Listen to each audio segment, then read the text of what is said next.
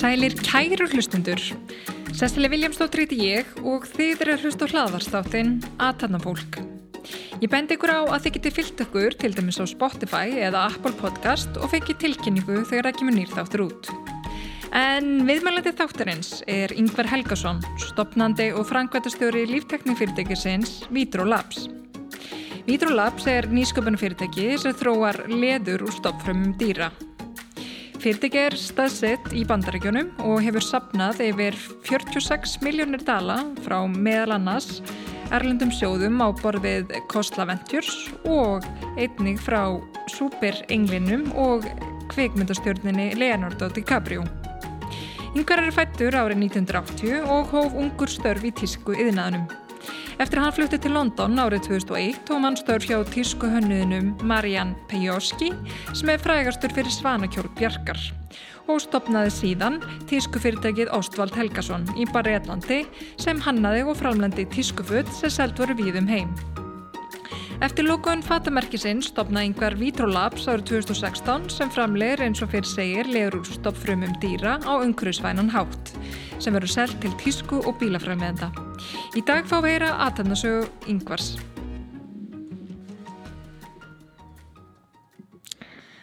Sæl yngvar og verðu hjartala velkomin í þáttin. Takk hérlega. E, við hérna hjá aðtæmnafólki, okkur finnst alltaf bara best að byrja á byrjunni. Þannig að ég bara spyr þig, hvað ertu alin upp og hvernig voru æsku árin? Ég fættur í Reykjavík 1980. Uh, ég bjó hérna á Íslandi þannig til ég var 8 ára gammal, var í uh, byrjiði minn akademíska feril í Ísaksskóla og svo, uh, svo, um, svo fór ég yfir í Líðaskóla og um, svo fluttum við með fjölskylduna uh, út til Kaupnafnar það var sem sagt mamma og, og tvær bræðir mínir og uh, við svo bjóð ég þar þangað til ég var 12 ára ákvað það aftur að snúa til Ísland um, og kom til að búa hjá pappa og sem sagt var á Íslandi frá 12 til 16 um, og held áframun minn akademíska feril í hlýðaskóla mm -hmm. Og hvernig svona barn og úlingu varstu? Hvað hafður þú fyrir stafni? Fyrir eftir hvernig þú spyrð en svona smá svona troublemaker kannski. Já. Og þannig að ég sem sagt, já, ég var aldrei sérstaklega mikið fyrir fyrir skóla. Um, og sem sagt svo, þegar ég var 16 ára og útskriðaðist úr mínum alma mater líðaskóla, fór til aftur til Kaupanamnar og fór þar í mentaskóla en um, endist ekki meir en þrjá mánuði þar. Þannig að uh, það var svona byrjunum og endinun á mínum, mínum akademíska ferli mm -hmm. Og af hverju var það? Hvað er það tók við þarna eftir þessa þrjá mánu í, í mentaskólanum? Ég hafði mjög mikið áhuga tísku ég er ekki alveg klára af hverju ég held að ég hefði horta að þætti sem að fræði tísku hennurinn Jean-Paul Gaultier gerði sem að hétti Eurotrash og lives up to its name mm. um, og uh, já, sem sagt hafði mjög mikið áhuga tísku bara frá því ég var 14 ára eða svo leiðis og vildi vera tískuðunar þannig að já, hvað það var ekkert að finna fyrir mig í mentaskóla þannig hætti og um, byrjaði að taka bara svona stuttakursa læra sauma, læra að gera snið og svo leiðis um, og svo flutti ég til, um, til Parísar þegar ég var 19 ára Og hérna var það ekkert svona stort uh, stök að, hæ, að hætti mentaskóla og hérna flytti til Parísar? Það, mamma stutti alveg við þetta sko en uh, það var kannski svona pappi sem professor við Háskólan í Íslandi var kannski ekki alveg jafn ánæðar með það en, um, en hann sætti sig við það minn skoðist á senustu árum mm. Og hvað tók svo við þarna í París? Já, sem ég var í, um, ég var í París í uh, reynda bara freka stutt og stund um, og flutti svo áfram til uh, London þar sem að ég byrjaði að vinna í, í tískubransunum að alvaru þannig að ég sem sagt var að vinna hjá hannuð sem flestir íslendingar kannski geta ekki nafni en, eh, en það ekki að vinnun hans því að hann heitir Marian Pioski og hann aði Svanakjólunar Bjarkar mm. uh, hvernig fegstu þetta starf? Hvernig kom það til? Ég uh, sá einhver bara tískublað og það var einhver, einhver kolleksjón eftir hann í þessu bladu og ég, ég var það bara mjög mjög flott þannig ég hefði bara samband við hann og hann segði bara, bara kottið eins fljótt og þú getur og þannig að ég stökk á ég stökk í Eurostar og mætti bara í London og byrjaði, byrjaði minn svona alvöru tísku karriér þar mm. Og eh, hvernig kunnuru við því í þessu starfi? London er þetta æðislega borg og um, þetta er þetta svona með París, með New York, með Milano er þetta, þetta svona eina stóru tískuborgum í heiminum. Þannig að það var alveg, alveg æðislegt að fá sem þetta vera svona hrærast í þessum, í þessum gera þarna alveg bara í svona miðinni. Þannig að uh, miðinu öllu sem er að gerast. Þannig að, uh, já, þannig að ég var að vinna hjá honum uh, í, hvað, fjögur ár svo. Og um, svo hitt ég sem sagt um, um, stelpu sem var að vinna þar líka. Og við, uh, við ákveðum að byrja tískumerki saman. Og uh, hvað varstu gammal þá? Ég var þá þegar við ákveðum að byrja tískumerkið við byrjuðum að skoða svona þegar ég var 24 sem 2004 um, og svo settum við á um, settum við að stað 2005 þegar ég var 25 ára gammal mm. og hérna þá stopniðið e, tískumerkið Ostvald, Ostvald Helgason. E, e, hvernig fór þetta svona á stað hjá ykkur? bara mjög hægt. Það er eins og við, þetta var bara svona þetta algjörlega svona self-funded self og um, já, þannig að við bara vorum að gera allt sjálf sko, þannig að ég sem sagt, já, ég vildi þetta alltaf vera að fatta henniður en svo svona eftir að við byrjuðum þetta þá sá ég kannski að það var annað fólk í heiminum sem var miklu betri henniður en ég, þannig ég ákvaði að um, svona, já, ég var að skoða hvað annað ég geti gert í fyrirtækinu og byrjaði að hafa freka mikið áhuga á sem sagt svona uh, supply chain og uh, sem sagt hvernig, hvernig er hægt að byggja upp um, hvað er hægt að gera í tískubransanum sem hefur kannski ekki verið gert áður svona blanda tækni og tísku og svoleiðis. Um, það svona fór almennilega stað þegar ég hérna, fekk hann um, Arabróðu minn til að byrja fyrirtæki með mér 2006 uh, sem var sem sagt svona framleiðslu kerfi fyrir, fyrir, um, fyrir uh, tísku brand eins og við vorum með. Þannig að þetta var sem sagt um, það aðeinslega nafn sem ég, ég kom upp ég, ég fann upp á World on a Hanger aðeinslega nafn. Um, en uh, sem sagt, já, sem sagt Ari var að klára uh, háskóla í, uh, band, í Breitlandi og sem sagt við, uh, hann hefði flytt hanga líka og ásamt mömmu og sem sagt þetta kerfi var sem að hjálpa með pantanir, hjálpa með framleiðslu hjálpa með svona shipping og receiving og svo leiðis, þannig að við byggðum þetta uh, og það var sem, sem sagt svona byrjun á þeim áhuga sem ég fann uh, sá með að sem sagt að blanda tækni og tísku og gera eitthvað, gera eitthvað nýtt. Já, akkurat. Þetta var æðislegt pródukt en ekki mjög góður business ha, ekki, mjög ekki, ekki mjög góður business það er, er erfitt að selja til lítill að tísku fyrirtæki því að það er enginn sem á pening. Um, en, en ég var mjög stoltur af prótotinu sjálf mm -hmm. Og hérna, hvað átti þessi svona hugbúnarar leysa fyrst og fremst?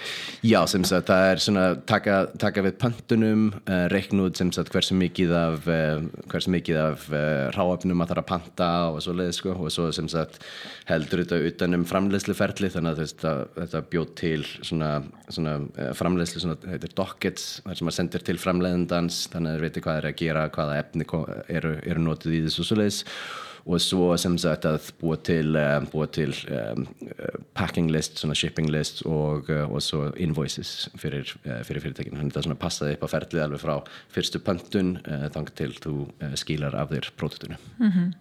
Þannig að þið gefa út vöruna og hérna fáið uh, fáið einhverja visskiptavinni inn í hugbúnaði? Já, svona ég, ég var svona, tengdur þessi meðan við vorum að byggja prótúti sjálf en, uh, en svo var ég þetta bara að rekja mitt tísku fyrirtæki þannig að Ari sem sagt uh, held áfram með þetta með co-founderinnum hans og um, þeir, ég veit ekki alveg hversu hvað, hvað tölunar voru en ég held að þeir voru komin með einhverja kannski nokkur hundur kuna en, en þetta er þetta bara lítill markaður sem er verið að reyna að selja inn í mm -hmm. uh, hann, hann seldi fyrirtækið uh, fyrir, fyrir einhverjum árum síðan það var mjög, mjög, mjög lítil sala en, uh, en samt exit En ef við hérna snúum okkur aftur að Óstvad Helgason sem þú varst alveg með í einhver nýju ár svona, hver var þín sín í rauninu fyrir þetta fyrirtæki?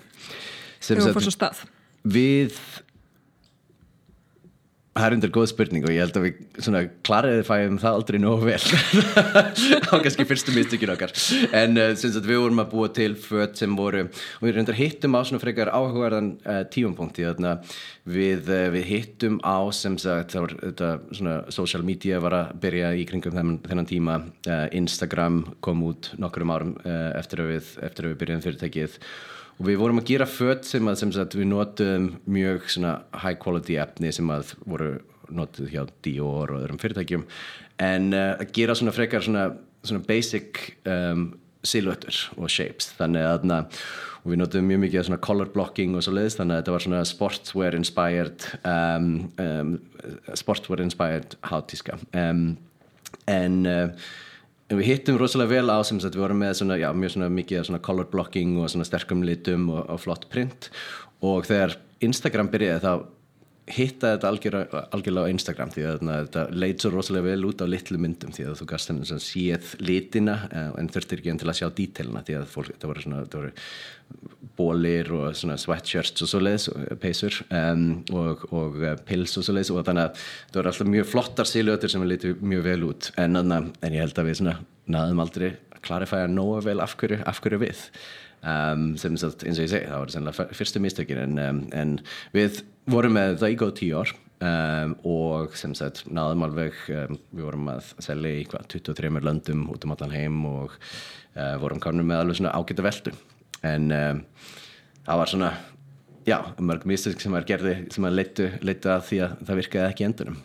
Mm. en það var sem sagt 2007 þessu, ári eftir að ég byrjaði World on a Hanger með, með Arabróðir um, það var eiginlega þar sem ég fekk hugmyndina af því sem að kom, myndi koma þessu setna mm -hmm, Akkurat. Og, og hérna við förum betri þá eftir og það er uh, aldrei spennandi verkefni.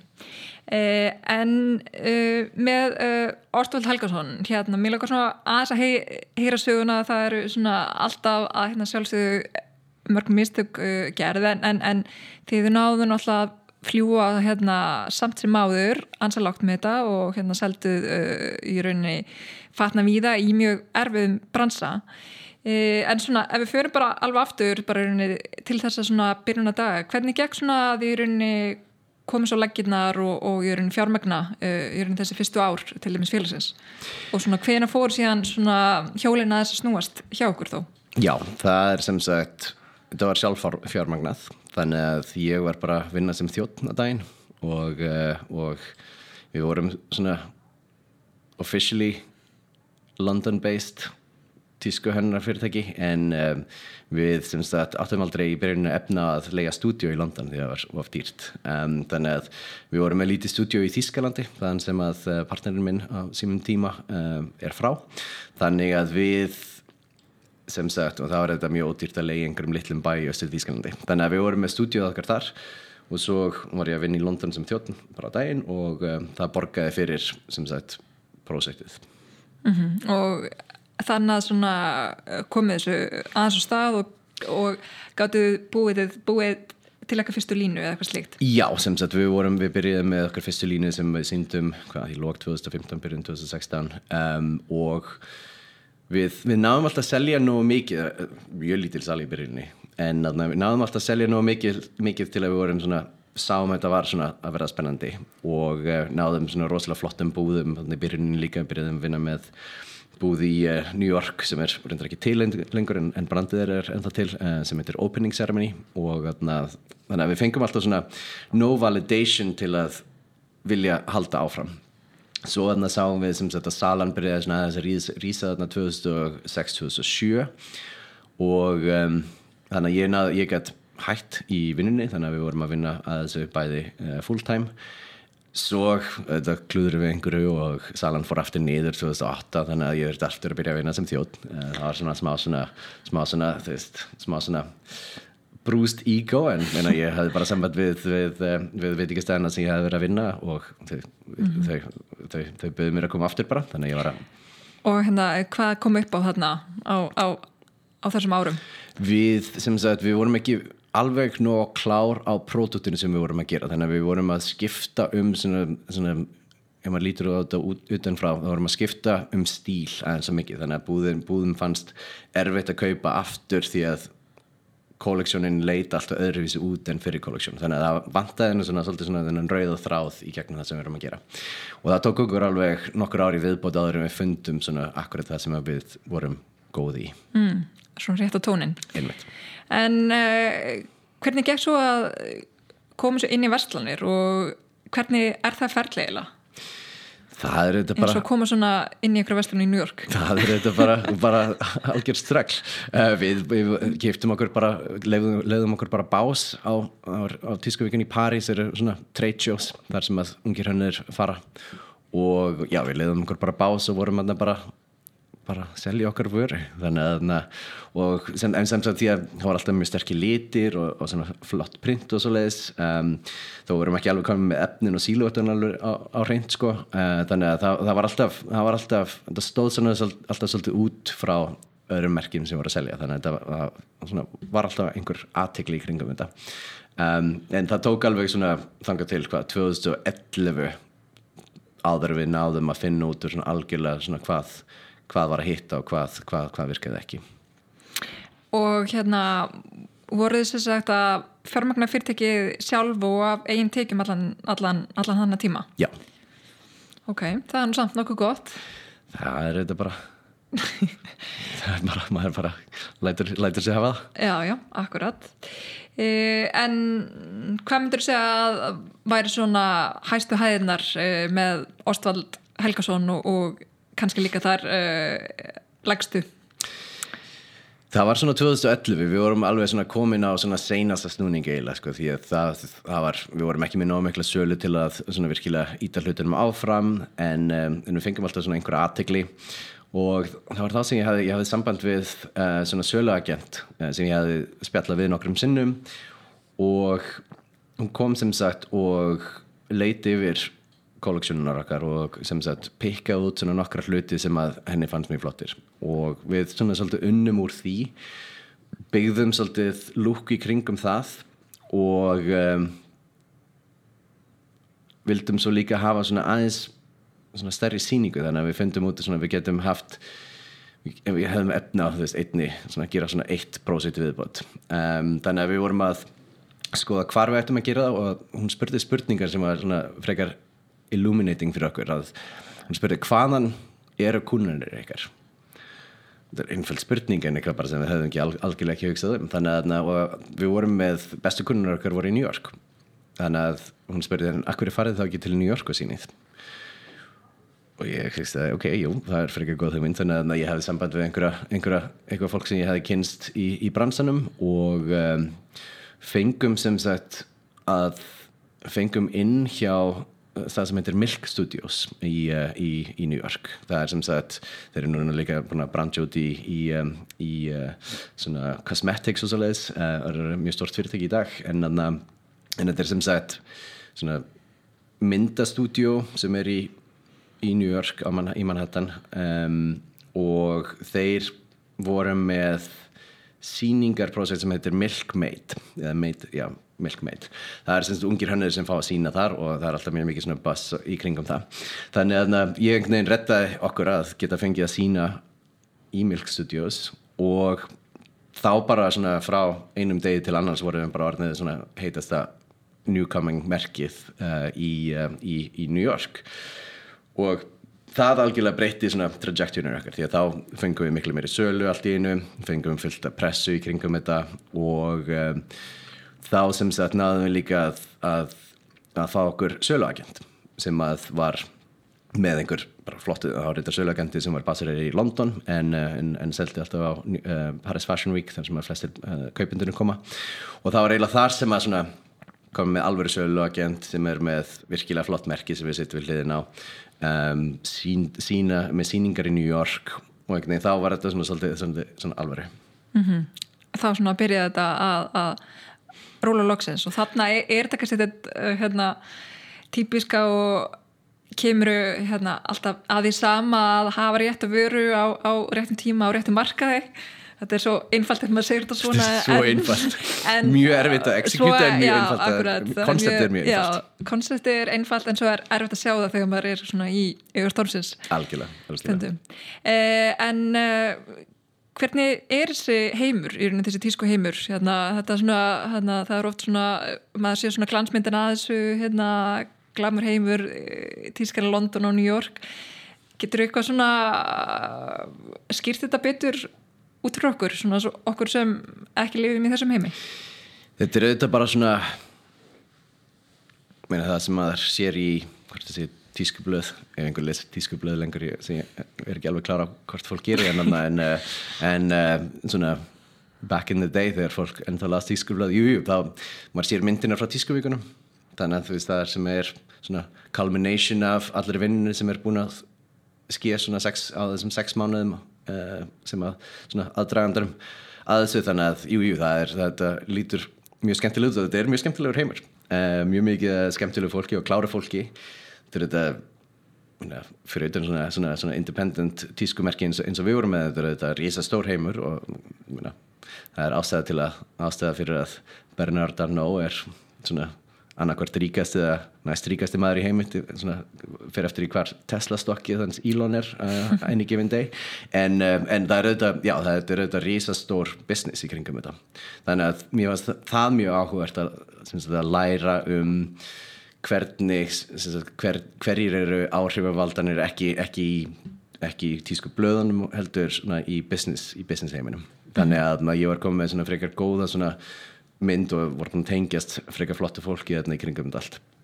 Þannig að, jú, þannig að þetta er auðvitað bara þetta er auðvitað bara business. Business sem heldur kannski góð party tvísur ári. Þannig að, um, en það er auðvitað rosalega mikið vinna bara í að auðvitað hanna framleiða, skila vöru til kuna, selja vöru og, og allir pakkin í kringum þetta sem er bara backbreaking vinna kannski, kannski aðeins, aðeins íkt en, en, eh, en já, en það er mjög mikil vinna sem, sem fer í að búa til þessar kolleksjónir mm -hmm, Akkurat, ég trú því.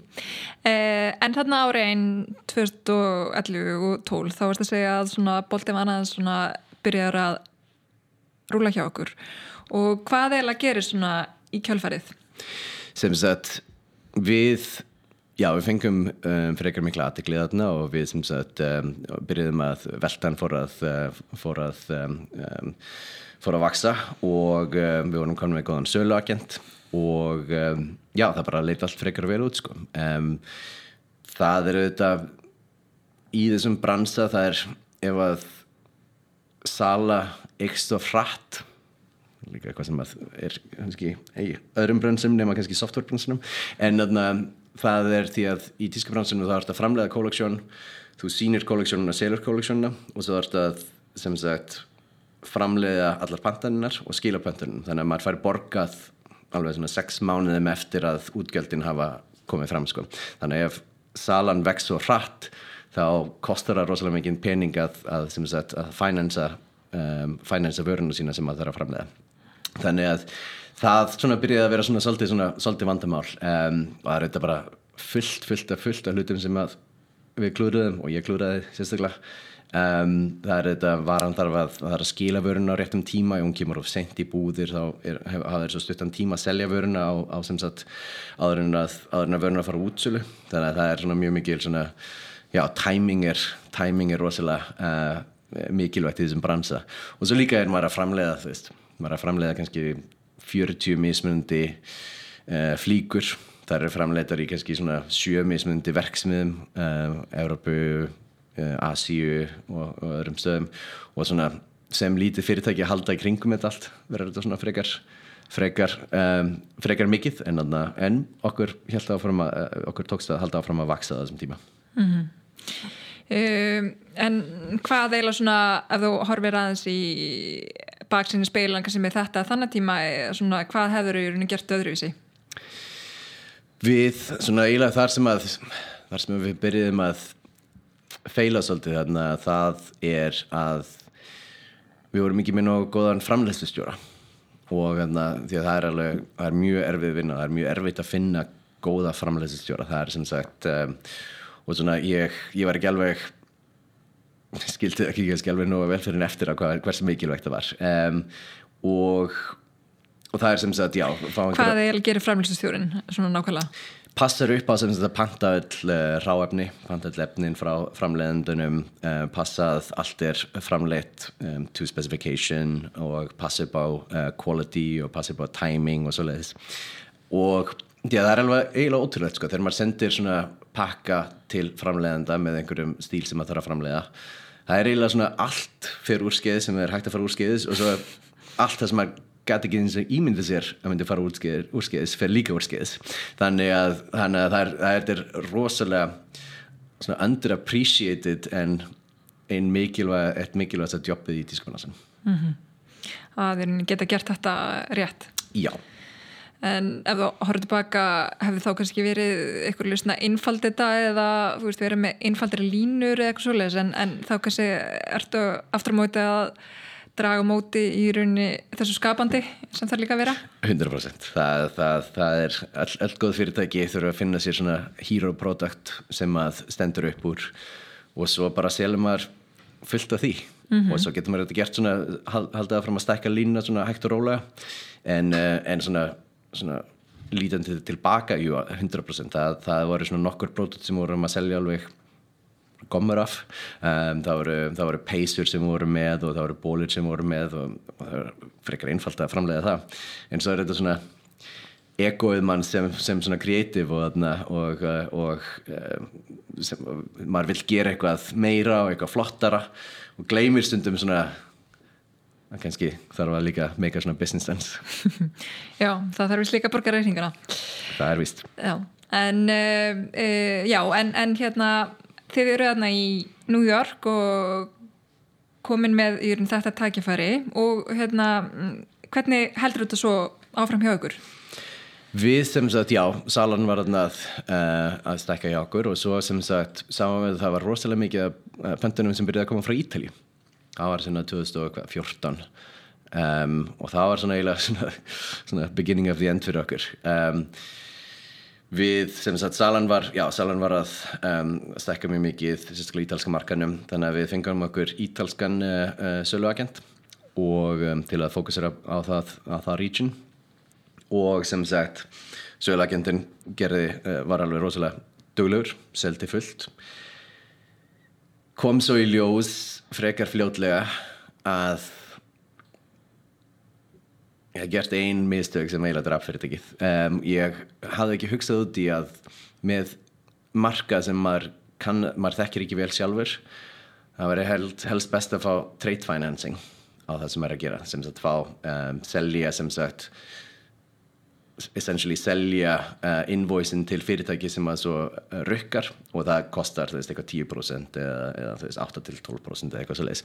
Sem er auðvitað mikill peningur en af einhver pening á móti engum penning uh, það er auðvitað betra. Og það er auðvitað hægt að byggja það inn í, inn í, inn í prísin sem maður er að selja, maður hugsa aðeins, aðeins, aðeins, svona, aðeins betur um þetta en ég geri. Þannig að við sem sagt vorum já, salan var að uh, salan gekk vel.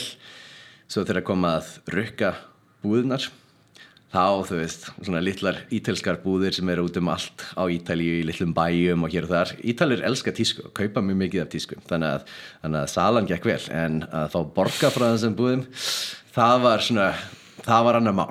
Og sérstaklega svo því að maður er búin að selja einu sinni og þetta er svona eins og þú veist þetta er eins og gambler sem fyrir til Vegas og tapar peninginu sínum en þú veist, það er bara ok, ég bara, bara dobleta næst og það bara vinn ég aftur það sem ég tapaði.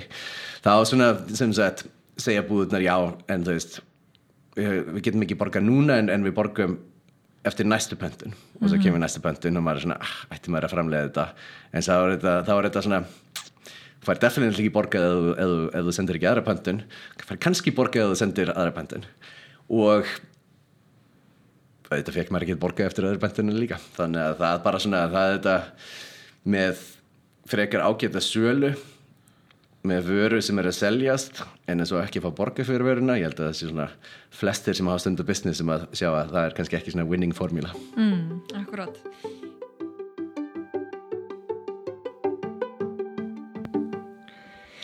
Ég ger hér stuttli á vitlunu til að færi þér skilabóð frá kosturnaðalum þáttarins. Fyrir ykkur sem ætlaði að kíkja út í sumar með Æslandir, kannski borgarferð eða skoða undur náttúrunar, þá er þetta að velja 30 áfangastæði í Evrópu, 14 í Norður Ameriku, 4 áfangastæði á Grænlandi í sumar og að sjálfsögðu áfangastæðina þeirra innlands. En vitiði, ég get eiginlega ekki hægt að tala um krónuappið. Þar er meðal annars hægt að kaupa þinn innkaupilesta og fá sendt heim, aðeins ofta eilagt. En vissið þú af nýjum verðtriðum spartnarækningi Arjón, vöxtur og verðtriður, þar sem hægt er að stunda spartnað og taka út með hans 90 daga útækta fyrir vera. En snúum okkur aftur að viðtalinu. En þeir voru svona víða í hérna, fjölmjölum á þessum tíma og þú veist, hérna, það var alveg svona tekið vel í vöruna og þú veist, hérna getur sagt okkur eh, aðeins frá því í rauninni þeirri svona aðtekli sem vörumerkið fjekk á svona tíma? Áður en kannski það fór að Hallandan að fætti síðan. Já, það er sem sagt uh, jú minna við, við fengum mjög góð aðtekli, við vorum með alveg flott fólk sem var í fötunum, Rihanna var í fötunum og við vorum með alveg einhverja svona, svona stjórnum hér og þar sem að gengi í fötunum og og, um, og það var auðvitað algjört búst fyrir, fyrir bæði merkið og fyrir okkur, uh, okkur um, sem, sem hattunur regundur þannig séð. En eins og eins og flestir vita sem að hafa verið hafa fengið svona pressu að pressa oft borgar ekki reikningana.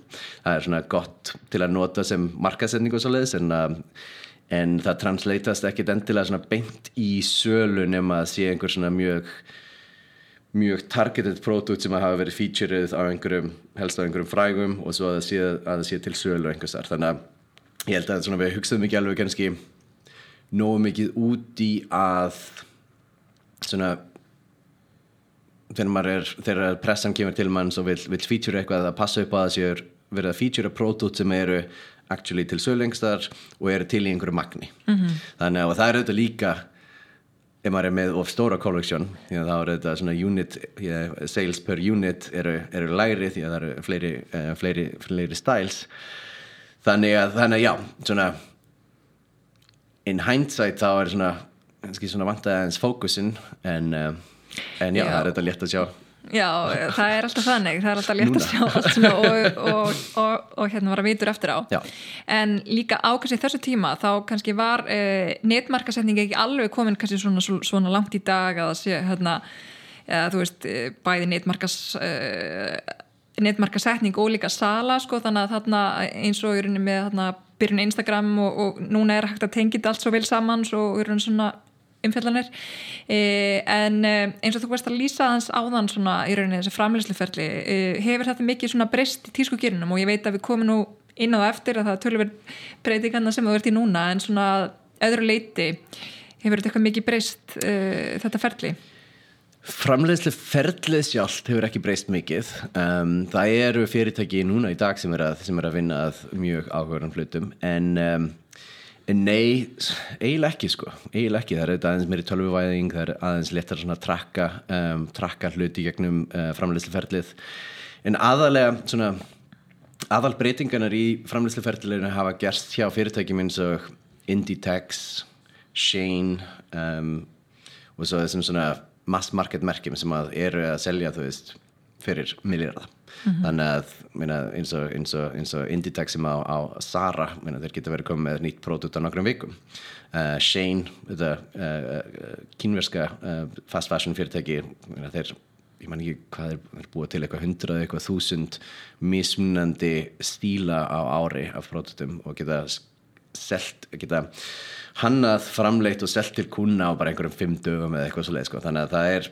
það er jú, það er tækniðarna og það er þetta ferðliðarna sem hefur verið eh, svona imprúvað mjög mikið en, um, en sá, sá hlutabransan ég hef ekki mjög góða innsýnin í það sko. það er mm -hmm. aðri sem að munu definitíli vita það betur en ég sko. en, en, um, en það er, jú, svona fast fashion mark, merki geta virkilega mm -hmm. hreift sér rætt mm -hmm. í svona meira svona klassískum bransa ég er, það er ekki mikið þetta hefur allt batnað og það er meiri stjórnaði um, en ég held að aðalega það sem að fólk hefur, fyrirtækin hafa gert gott þar er bara rosalega góð markasending og akkurat þessi fyrirtæki sem varst kannski að nefna náðan í rauninni búið kannski búin að ná ákveðin starra hagkvæmni þar sem í rauninni reiknindæmi lítið þá bara alltaf verið sút og í rauninni fyrirtæki geta hagað sér á allt annan hátt. Minna, Shane, Shane getur selt kjóla fyrir þú veist 7 dólar eða eitthvað svona. Það er þetta, ef maður svona, ef maður svona objectively horfir að það, það er þetta þú veist, létt að sjá, það er þetta einhver sem er ekki að fá borga í þeim, í þeim prósess, ja, þú veist það er þetta þarf að taka ráefnin það er að lita þau, það er að, það er að klippa þau út, það er að sauma þau það er að, eh, mynd, að taka myndir markasetja og svo það er að senda það til kunna, þannig að þú veist ef maður er að borga 7 dólar fyrir það, þá er kannski þú veist, já, kannski einhver sem er ekki að fá sinn snúði í því, í, í, því dæmi sko. Nei eh, En þannig að 2015 og 2016 sem var svona kannski hérna eh, upp af að einhver liti að endalökunum og ítlunum vildi ekki borga hvað hérna eh, eh, hvernig þróir þetta hjá ykkur? Já, það var sem sagt 2015 sem að það var, það var, það var endalókin sko. þannig að 2015 þá bara sáum við að bara við vorum að bara renna út, út úr pening sko. þannig að uh, það var bara ekki það var ekki sérstaklega mikið þetta að gera í því. Um, þannig að það var svona þá sem að ég var að hugsa um og þess að við vorum, vorum búin að gera þetta í tíu ár. Er þetta mjög leiður á að þurfa að loka fyrirtækinu en ég líka man að það var svona svolítið léttir þegar maður ákvað að þetta væri búið. Um, en það var mjög erfitt þetta hefði bara verið frekar erfitt þarna í svona, já, seinasta árið hjá okkur. Og um, og svona við hefðum alltaf barist, barist, svona, barist í gegnum erfið, erfiða, erfiða period. Þetta í byrjunni fyrstu alveg fimm árin var ekkert sérstaklega mikið að gera sko. Og um, þannig að það var ekkert mál. Ég vissi alltaf að, að það væri rétt að halda áfram það var eiginlega 2015 sem að í fyrsta skiptið þá hugsaði ég kannski ok, kannski er þetta bara, bara búið. Og um, já, það er það er ekki það var ekki létt ákvörðun en, eh, en svona þegar ákvörðun var komin um, svona farið gegnum prósessin að loka svona fyrirtæki þegar þetta allir þeir sem hafa prófað þetta er þetta bara ein versta tilfinning sem, að, sem að er til. Og um, svona fyrir utan þetta veikindi og, og, og, og, svo leiðis sem að fólk getur farið í gegnum þá er þetta svona all, minnskast í, í svona vinnu heim fólks er þetta svona versta tilfinning sko Hvað er svona verst við það? Það er náttúrulega mörg uh, vondskrif og náttúrulega sérstaklega sem tengist náttúrulega starfsmannahaldi og, og, og svoleiðis en svona út af því að það er líka ekkit svo oft í rauninni talað um í rauninni þannan uh, part og þetta er náttúrulega veist, oft akkurat uh, sérstaklega hjá í rauninni raðfröngulum sem hafa, hafa náttúrulega kýrt í gegnum ímslegt og tekið á þessu miklu ábyrgð. Og svo kemur stundum að, að, að svona og náttúrulega fólk er búið eins og segir hérna tíu árum í þetta. Hvað svona var hérna í rauninni myndir segja þá erfiðast dóldi af þessum fasa? Það er sem margt að dálítið- já, þetta er kannski dálítið erfið spurning. Meina, það er auðvitað það er auðvitað mjög erfitt að segja starfsfólki frá að, að þetta sé ekki virka. En, en minna starfsfólk sér líka er að vinna þarna dagstæðlega og sér auðvitað hvað er að gerast. Þannig að þegar maður, þegar maður kemur þegar maður tekur svona ákvörðun þá er það ekkit svona ég held að það sé svona oftar en ekki að fólk hefur alveg svona seen the writing on the wall að, að, kannski, að þetta muni kannski ekki ganga þannig að og þá er bara að reyna að díla við það eins, eins, eins vel og hægt er sko. Þannig að en það er þetta bara algjörlega ömuleg tilfinning algjörlega ömuleg tilfinning og já, allir þeir sem hafa prófað það vita alveg nákvæmlega hvað, er, hvað ég er að tala um.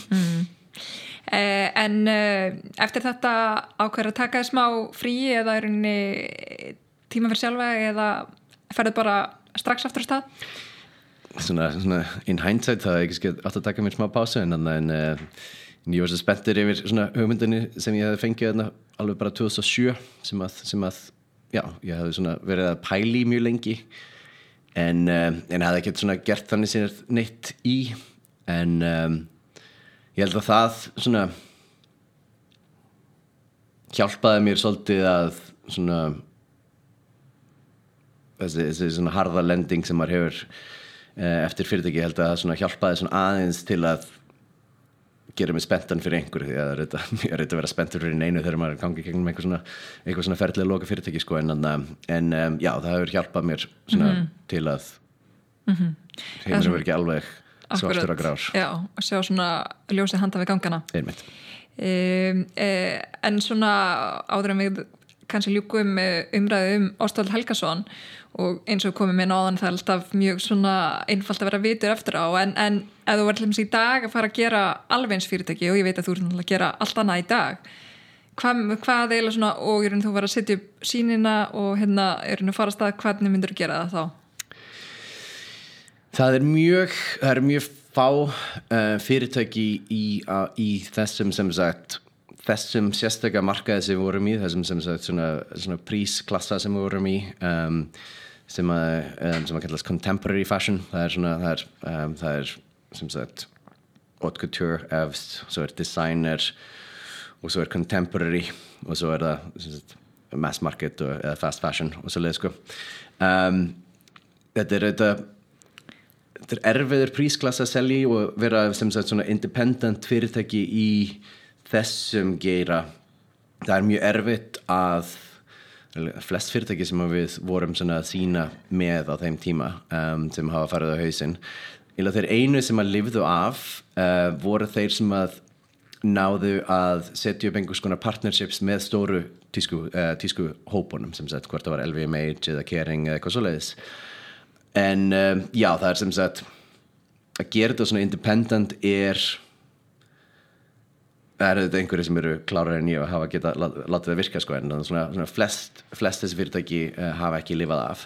Þannig að finna þessi partnerships með þessum stóru hópum þannig að þeir sjáum sjáum framleiðslu, þeir sjáum markasetningu, þeir sjáum distribution um, og þeir sjáum svona bókald og svo leiðis það er eiginlega eini held ég, held ég og ég er bara prove me wrong endilega einhver núti en, hérna, en um, þú farið eitthvað Facebook message. ég, ég, skal, ég skal geta hattir minn uh, ef, ef, að, ef að og ég er alveg ánægð með það. En það er sem sagt, já, er, þessi prísklass er mjög erfur. Það er um, því að þú ert að reyna að selja þú veist skirtur fyrir, fyrir 600 dólar eða 700 dólar á þess kjóla fyrir 1200 dólar og, og, og, og það er svona það er, þetta er ekki sérstaklega stór markaður fyrir, fyrir, fyrir þetta um, en um, það er annarkvært að vera með ódýrari pródukt og það er sem þú gerður vera með, uh, með stærri markað sem þú getur targetað eða sem sagt eða eitthvað svona virkilega svona niche luxury uh, luxury dæmi sko þannig að mm -hmm. það er, já En það er, það er, er æðislegur hannur sem grískur hannur, uh, Marie Cantransu sem er, er, er í London, hún er, hennar tekist alveg rosalega vel til uh, og er að gera rosalega flotta hluti og hefur, hefur tekist að gera svona flott partnerships með stórum fyrirtækjum og svoleið sko, þannig að þannig að já, þetta er, þetta er hægt mm -hmm. en þetta er erfitt mm. og þannig að í rauninni það sem er það smá svona skili eftir þarna sem þú ert að segja þá er í rauninni þessi kreatífi hluti, í rauninni þessi skapnir hluti og hönnunin og, og í rauninni kannski vörumerkið og svo kannski að partnera það með í þessum stærri fyrirtækjum um akkurat uh, framlegslu dreifingu og, og, og, og kannski markasending og slíkt. Einmitt, einmitt, einmitt.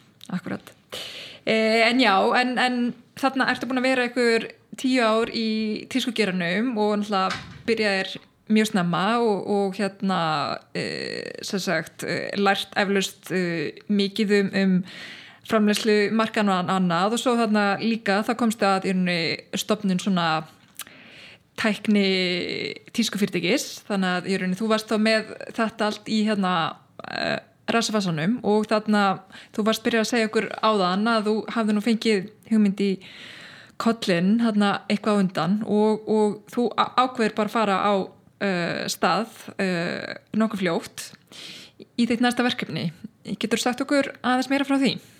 Já, um, það er sem sagt eins og ég nefndi 2007 Við vorum að tala við fyrirtæki um, sem er að selja pelsa, það er svona eins og fyrirtæki eins og Copenhagen Furs, Saga Furs og einhver svoleiðis fyrirtæki.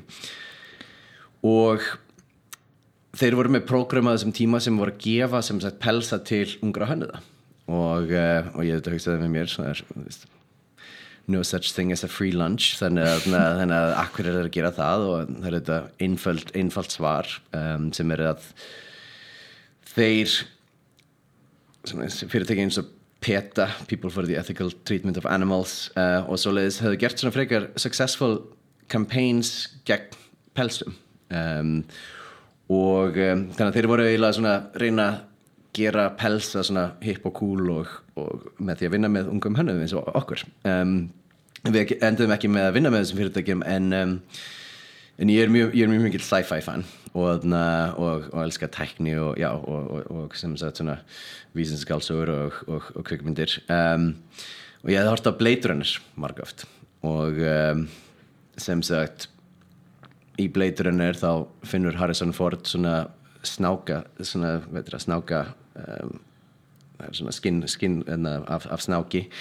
Og um, það er sem sagt það er svona barcode sem er prentar á þetta, þetta skinn og, og hann finnur rannsóknarstónu sem hafi ræktað hennan snák og um, já, það var þetta hægt í kveikmyndinni uh, rækta snáka og uglur og, og, og fólk reynda líka en þannig að það, er, það kemur kannski setna en, um, en þannig hugsaði ef það verið hægt að rækta pelsin eins og þeir bara gera í kveikmyndinni þá verið þetta gert svona ethical question í kringum það.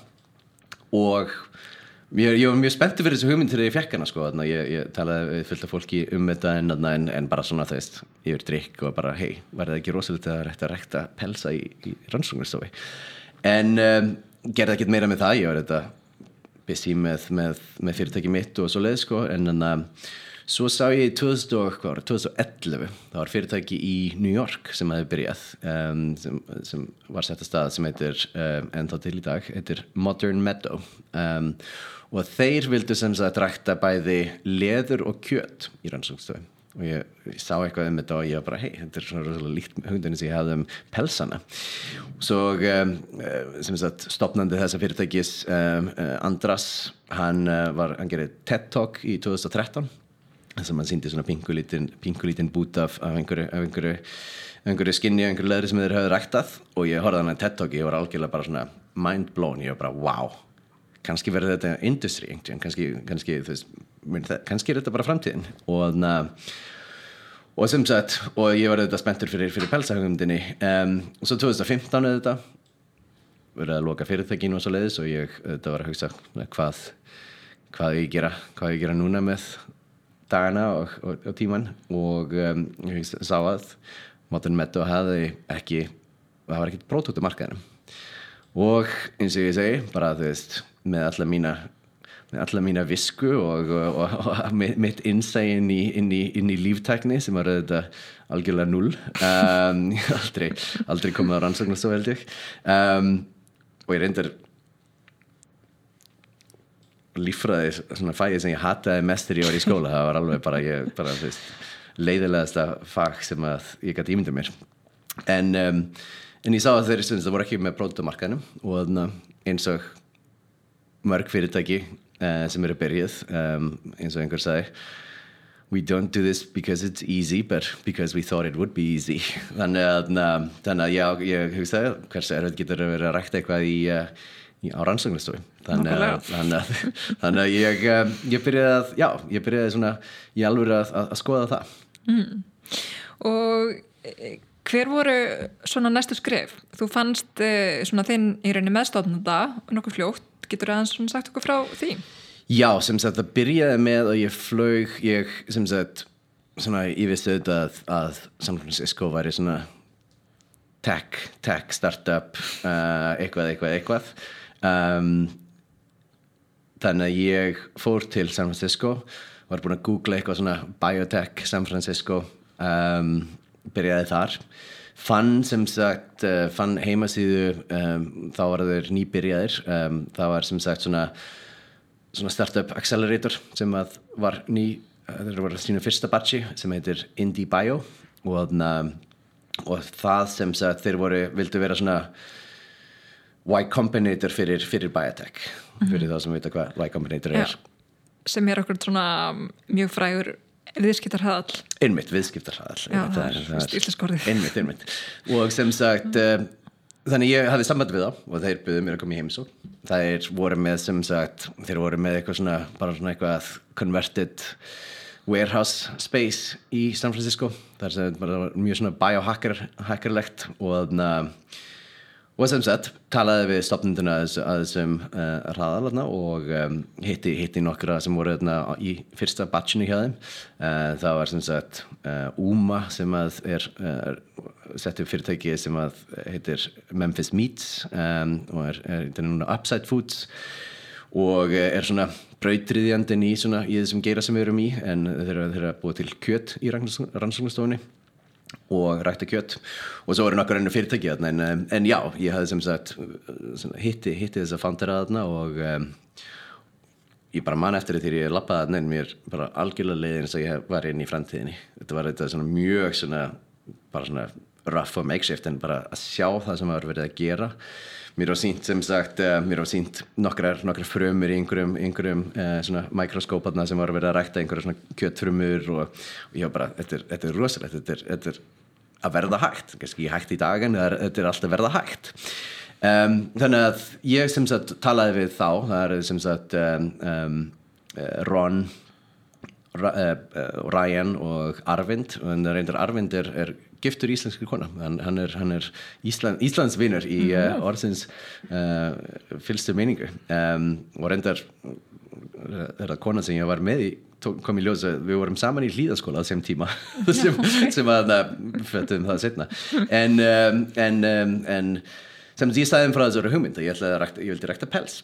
Og Það er svo æðislegt, það er, mjög sjálfgætt að sem sagt fólk sem að kemur úr bransanum, sérstaklega þegar það er einhverju svona öðruvísi bransar eins og, og tískubransin en koma inn í líftækni og vilja, og vilja gera eitthvað, þannig að það er svo æðislegt að þú þekkir markaðinn og, og, um, þú ert svona, svona algjörlega passionate um þetta sjáum við en, uh, en hvernig alltaf er að gera þetta? Og ég svona hefði, þú veist, lært svona, svona húðfruma, svona fibroblast og eitthvað um svona growth media svona næringu sem maður, maður gefur frumunum til að það er vaksa og eitthvað svo leiðis og þetta er svona þá er þetta frekar fljótt að ég hef ekki hugmyndum hvað ég er að tala um. Þannig að þeir segja bara love your passion, love your vision love the mission, love your knowledge of the industry but come back to us when you actually know how to do it. Þannig að ég var svona sendur aðeins í burt inn en þeir voru mjög kurtisir mjög, mjög supportive um, og þá er þetta svona þurfti ég að hugsa hvernig, hvernig að ég gera þetta? Já. Og þá ferður náttúrulega og leitar á Google, er það ekki?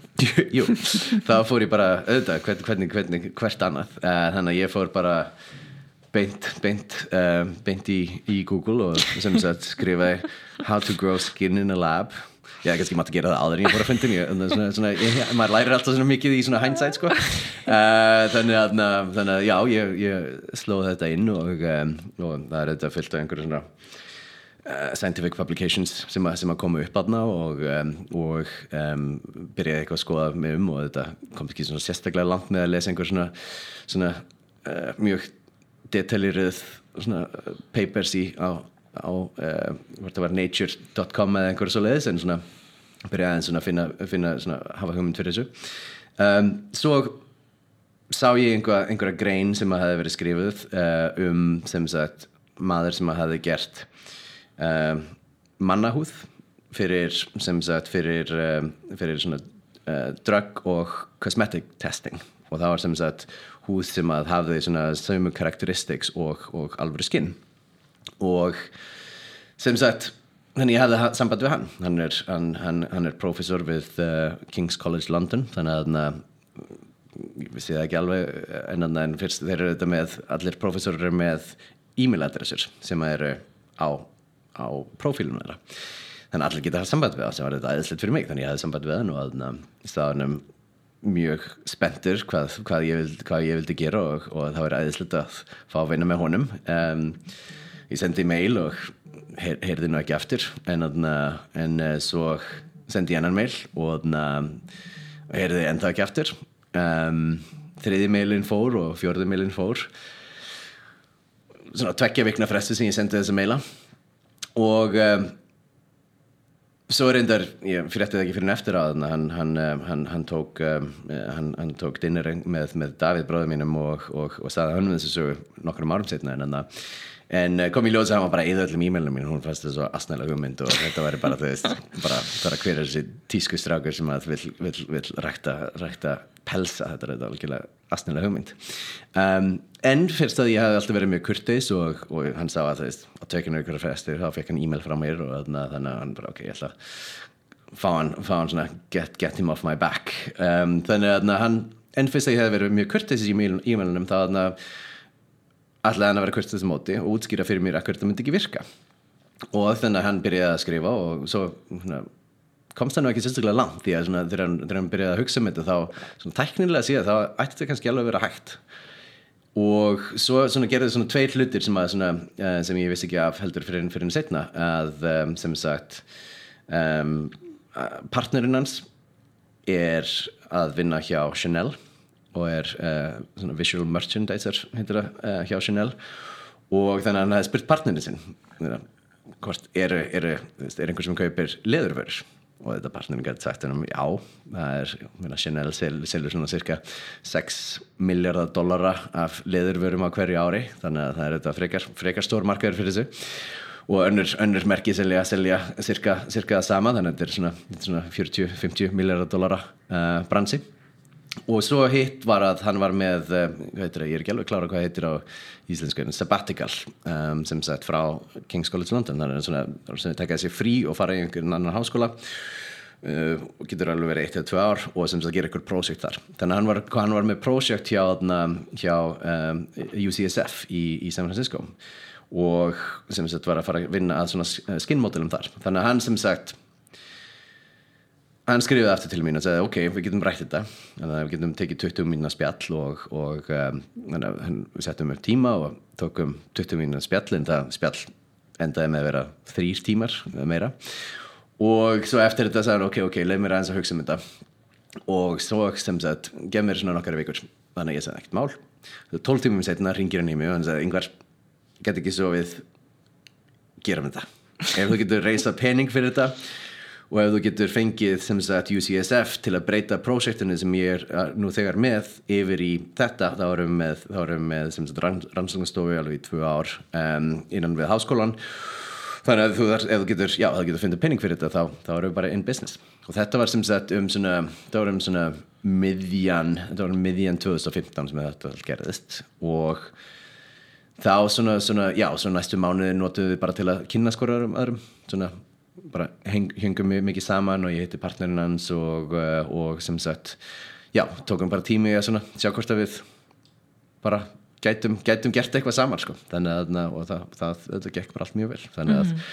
við ákveðum að fara inn í þetta og ég var sendur á fundurna hjá UCSF og koninni sem að var yfir uh, yfir uh, rannsóknastofinni og uh, hvort er í setna og hann hann já, ekki mál, þú, þið fáið rannsóknastofi í tvö ár og bara lofið mér að ég fái sem sagt svona, svona labcoat uh, úr leðri ef, ef, ef ykkur tekst þetta. Þannig að hún er ekki ennþá komið labcoatinu það er ekki langt í það.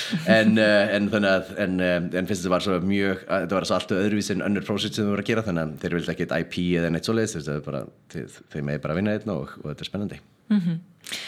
og þannig ertu komið með mannsku sem veit aðeins mjög um líftækni heldur þú í teimið og, og líka mjög áhört að hýra að þið hafi tekið þannig tíma í að, að, að kynnast út af því að það náttúrulega skiptir náttúrulega mjög mjög máli, sérstaklega í svona langtíma uh, samstarfi sem akkurat uh, svona sprótaferli er að, að fólk í rauninni svona kynnist vel og skilji hlutverk í rauninni hvers annars. En uh, þarna er þú komið með hlutverk og það er það meðal annars að fjármagna fyrirtækið og eh, hvernig gengur það uh, hjá þér svona framan að? Við sem sagt, já, við settum fyrirtækið að staða upp 2000, januar 2016 um, það sem sagt byrjuðum að fjármagna þetta bara svona einhverju fólki sem við þekkjum og svo leiðis og, og, og Daví Bráður var mjög mjög, mjög góður að koma inn með smá peningan í byrjun en, en hann sagði líka að yngvar, ég þekki ekki líftekni bransan ég hef ekki hugmyndum hvort það mun virka hjá þér. En þannig að þú ert að finn, líka einhverja, einhverja, einhverja fjárfesta sem að skilja það sem þú ert að gera. Þannig að hann kom inn með smá penning en, en, en svo þetta, það var þetta ekki, ekki, ekki mikið þannig síðan þannig að við þurftum að fara alveg strax út og, og reysa penning frá alvöru, alvöru fjárfæstum sem voru að fjárfæsta í þessu speysi sko. þannig, að, þannig ég byrjaði bara sem sagt að kynast um, bara að hafa samband við fjárfæsta sem hefur fjárfæst í líftækni fyrirtækjum og svona sérstaklega svona mjög, mjög snemma framanaf um, svona fyrirtæki sem eru þetta er bara rétt að byrja og eru með einhver svona frekar eksperimentella prósessa sem að þarf að, sagt, að þróa frekar sko. þannig að hefði samband við slatt af fyrirtækjum en fyrirtæki, fyrirtækin sem er komið inn á fjárfæsti okkur er fyrirtæki sem heitir eh, sjóður sem heitir 50 Years sem að er eh, var, þau voru bara nýbyrjuð þannig að við vorum eitt af þeirra fyrstu fjárfæstingum og um, hafa, hafa gert mjög mjög stóra og góða hluti síðan og um, já þannig að við fundum svona góð, gott svona network af, af fjárfæstum sem voru að fókusera á, á þetta mm -hmm. En uh, fóruðu einhvern tíman aftur í in, hérna, IndieBio hraðlein, hafðu þið samband aftur við uh, þau?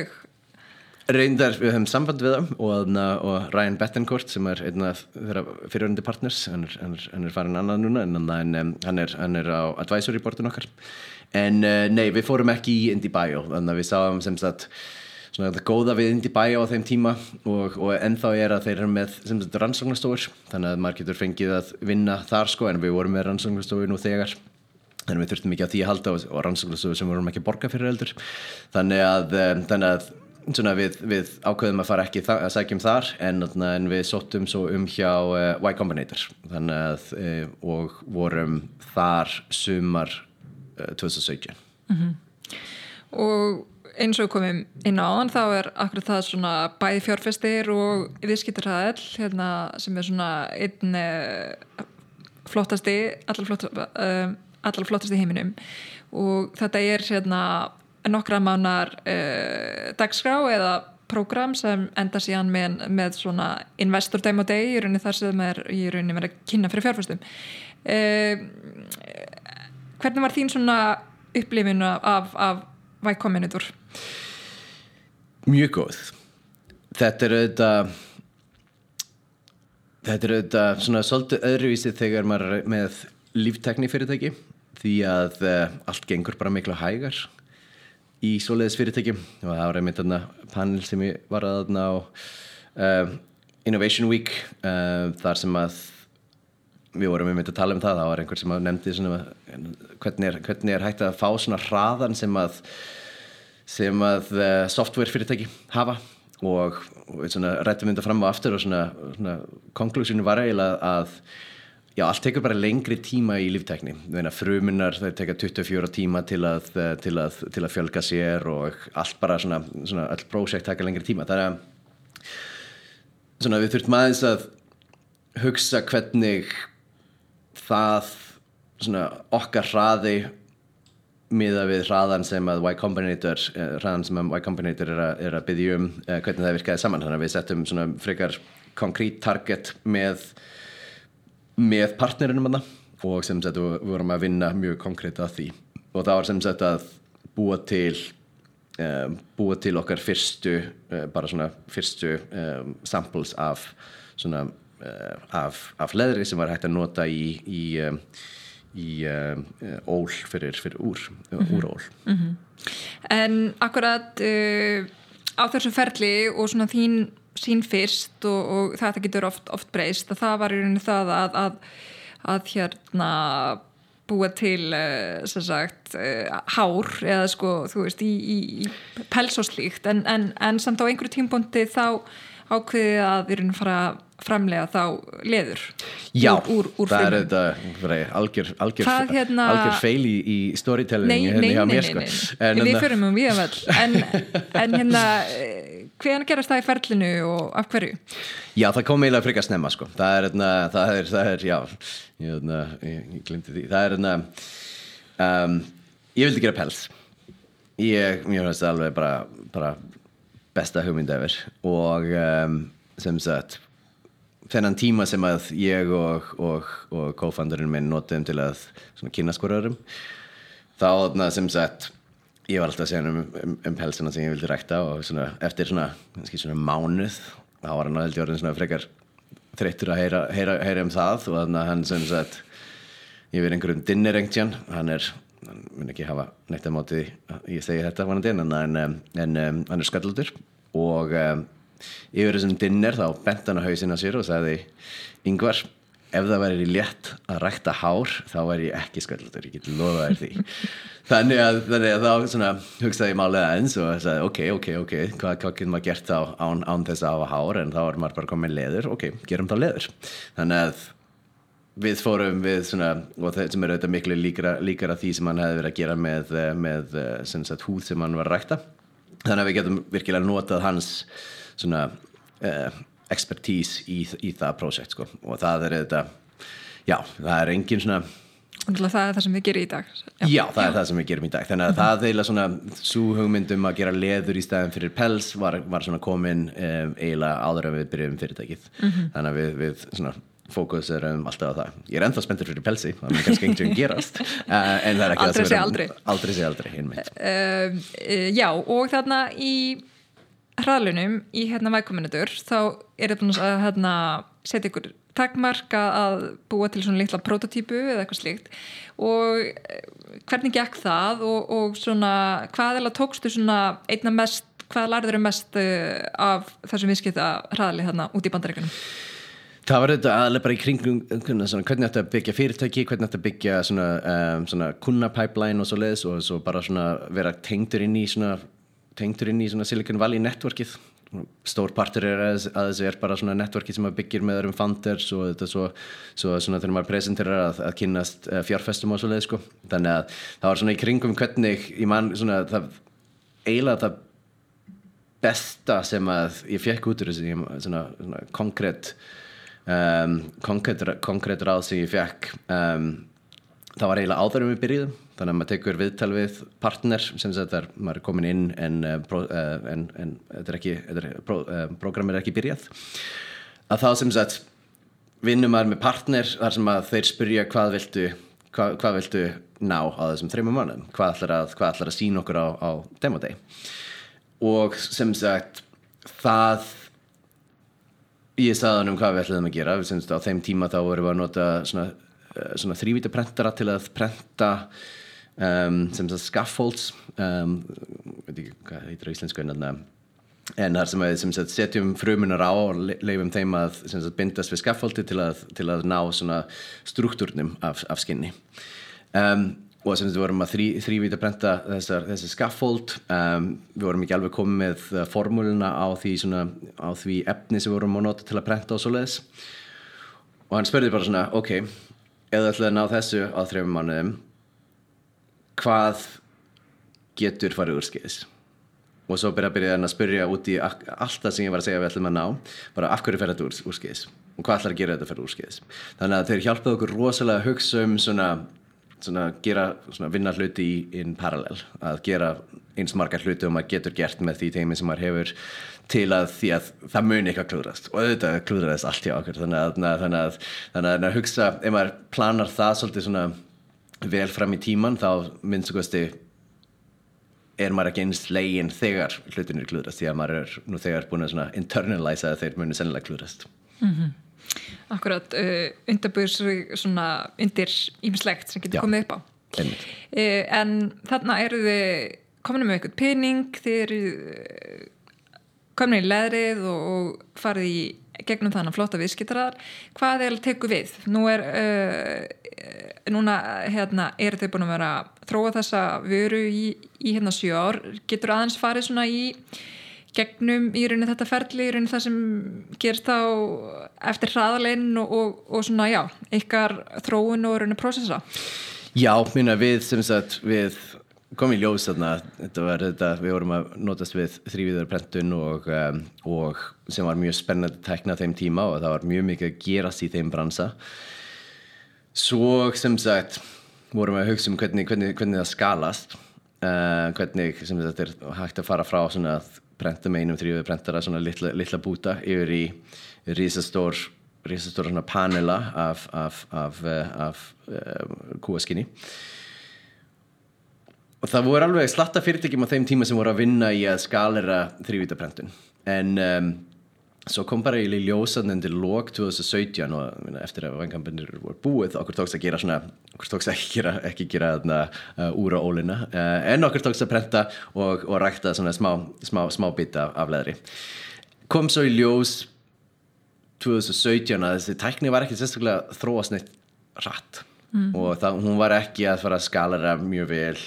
Þessi þrývíta prentaratekni einmitt, einmitt, einmitt sko og það var, já, það var eiginlega bara mjög lítið að gerast í, í, í þeim heimi. Og, og þetta, ef maður byggir eitt fyr, heilt fyrirtæki á að einhver annar bransi mm -hmm. uh, taki við sér þá þetta er margt sem getur farið úr skeiðis þannig að við sem sagt á, á í, í Y Combinator við síndum lítinn bútalegri sem við höfum ræktað og við höfum farið í sútun og það, það virkaði.